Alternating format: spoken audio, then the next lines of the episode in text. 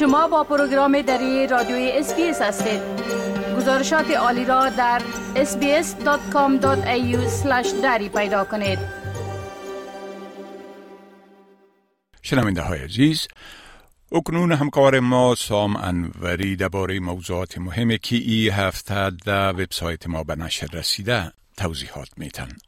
در صفحه اینترنتی SBS به زبان دری با آدرس sbs.com.au دری هر روز مطالب جالب و دانستنی درباره تازه ترین رویدادها و تحولات نشر میشه.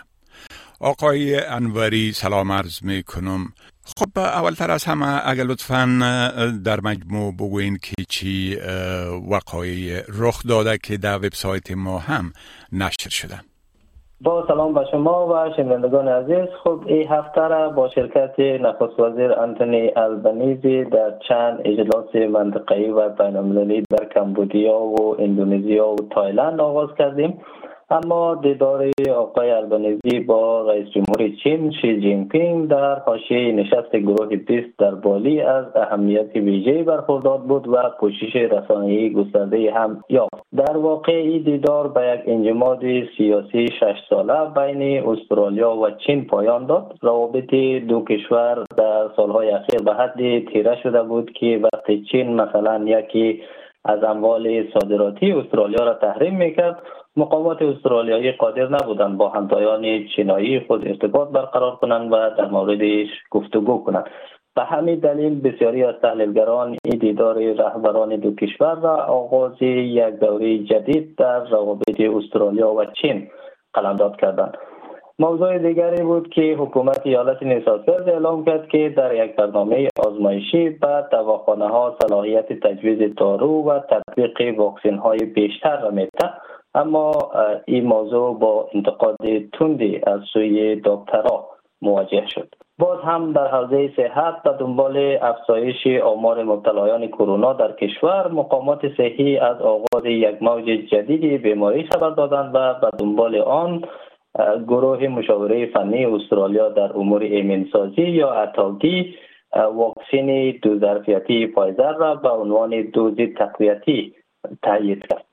موضوع دیگر هم انتخابات قریب الوقوع ایالتی در ویکتوریا هست. ما دو گزارش در این رابطه داشتیم که یکی در یکی از این گزارش ها دانیل اندروز نخست وزیر فعلی ویکتوریا وعده داده بود که اگر حزبش در انتخابات 26 نوامبر برنده شود لوازم بهداشتی قاعدگی یا پریود را برای زنان ویکتوریایی رایگان می سقوط یا اعلام ورشکستگی شرکت غذارسانی دلیورو هم یکی از خبرهای مهم و غافلگیر کننده بود. همچنین آزادی اقتصاددان استرالیایی از زندان ارتش میانمار هم باستاب رسانه گسترده داشت.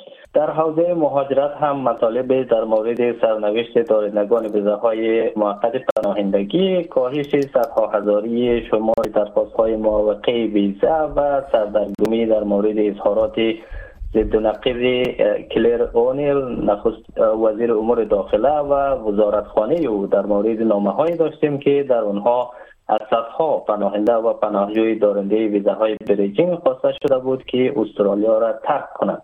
علاوه بر اینها گزارش های داشتیم در مورد احتمال وضع محدودیت بر فروش پاراسیتامول در استرالیا فرهنگ کار ترکیبی و برقراری تعادل میان کار و زندگی اعلام نامزدی دوباره دونالد ترامپ برای ریاست جمهوری امریکا فواید پیوستن به ورزش های اجتماعی در استرالیا و لغو ممنوع الورودی ستاره تنیس نوواک جاکوویچ توسط وزیر مهاجرت داشتیم که شنوندگان عزیز ما می‌تونن اونا را در وبسایت ما دنبال کنند. بله. خب درباره برنامه اجازه تجویز دوا و دواخانه ها در ایالت نیو ساوت ویلز گفتیم اگر در این باره یک مقدار تفصیلات بتین بله همانطوری که اشاره شد مقامات ایالت نیوساوت اعلام کردند که در یک برنامه آزمایشی دوازده ماهه به دواخانه ها صلاحیت تجویز دارو و تطبیق واکسن های بیشتر را میده دومینیک تروت نخست وزیر ایالت نیوساوت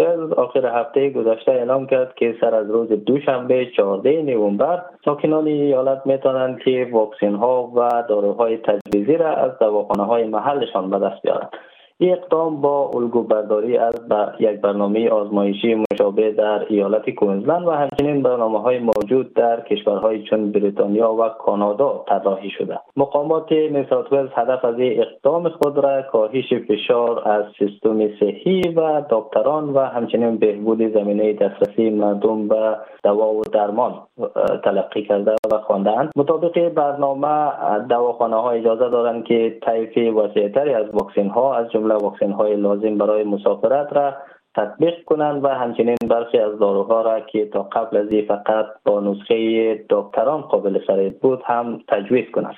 اما این اقدام با انتقاد تند بعضی از کارشناسان صحی و انجمنهای طبی از جمله کالج سلطنتی طبیبان عمومی استرالیا روبرو شد که او را جنون آمیز و همچنان دستور پختی برای فاجعه توصیف کرد. بله. خب از سردرگمی نامه هایی که برای پناهنده ها و پناهجویان فرستاده شده و او از اونا خواسته شده که در استرالیا برایشان پناه داده نخواهد شد پس باید به کشورشان برگردن. در این باره اگر یک مقدار روشنی بیندازین بله همانطوری که قبلا اشاره شد وزارت داخله در ماههای سپتامبر و اکتبر نامه های را به صدها پناهنده و پناهجوی دارنده ویزه های بریجینگ فرستاده و از آنها خواسته بود که استرالیا را ترک کنند. اما اظهارات ضد نقیض وزیر داخله و وزارت خانه او در مورد این نامه ها موجب نگرانی و سردرگمی شده. این نامه ها از طرف یک مقام ارشد وزارت داخله و ظاهرا به درخواست کلر اونیل وزیر امور داخله و حدود 500 پناهنده و پناهجو ارسال شده بودند. در این نامه ها تاکید شده بود که ماندن در استرالیا برای آنها یک گزینه نیست. و باید کشور سالس را برای اسکان خود پیدا کنند. وزیر داخله شخصا البته به صورت علنی درباره این نامه های اظهار نظر نکرده اما دفترش به نگرانی های موکلانش که در باره مطرح کرده پاسخ داده. در پاسخ دفتر خانم اونیل آمده که این نامه ها خاصتا به این دلیل که به افراد آسیب پذیر ارسال شده هرگز مناسب و سازنده نبودند و همچنین گفته که این نامه ها به صورت اشتباهی و بدون اجازه یا اطلاع خود شخص وزیر توسط افراد در وزارتخانهاش فرستاده شده بودند. اما وزارتخانه خانم اونیل در پاسخ به پرسش های شبکه سی ارسال اشتباهی این نامه ها را رد کرده و گفته که آنها به افراد فرستاده شده بود که ند می‌تونند یا اجازه ندارند در استرالیا اقامت داشته باشند. بله خب بسیار تشکر آقای انوری از این معلوماتتان و فعلا شما را به خدا می سپارم و روز خوش برتان آرزو می کنم تشکر از شما. خدا نگهدار. بپسندید شریک سازید و نظر دهید. اسپیس دری را در فیسبوک تعقیب کنید.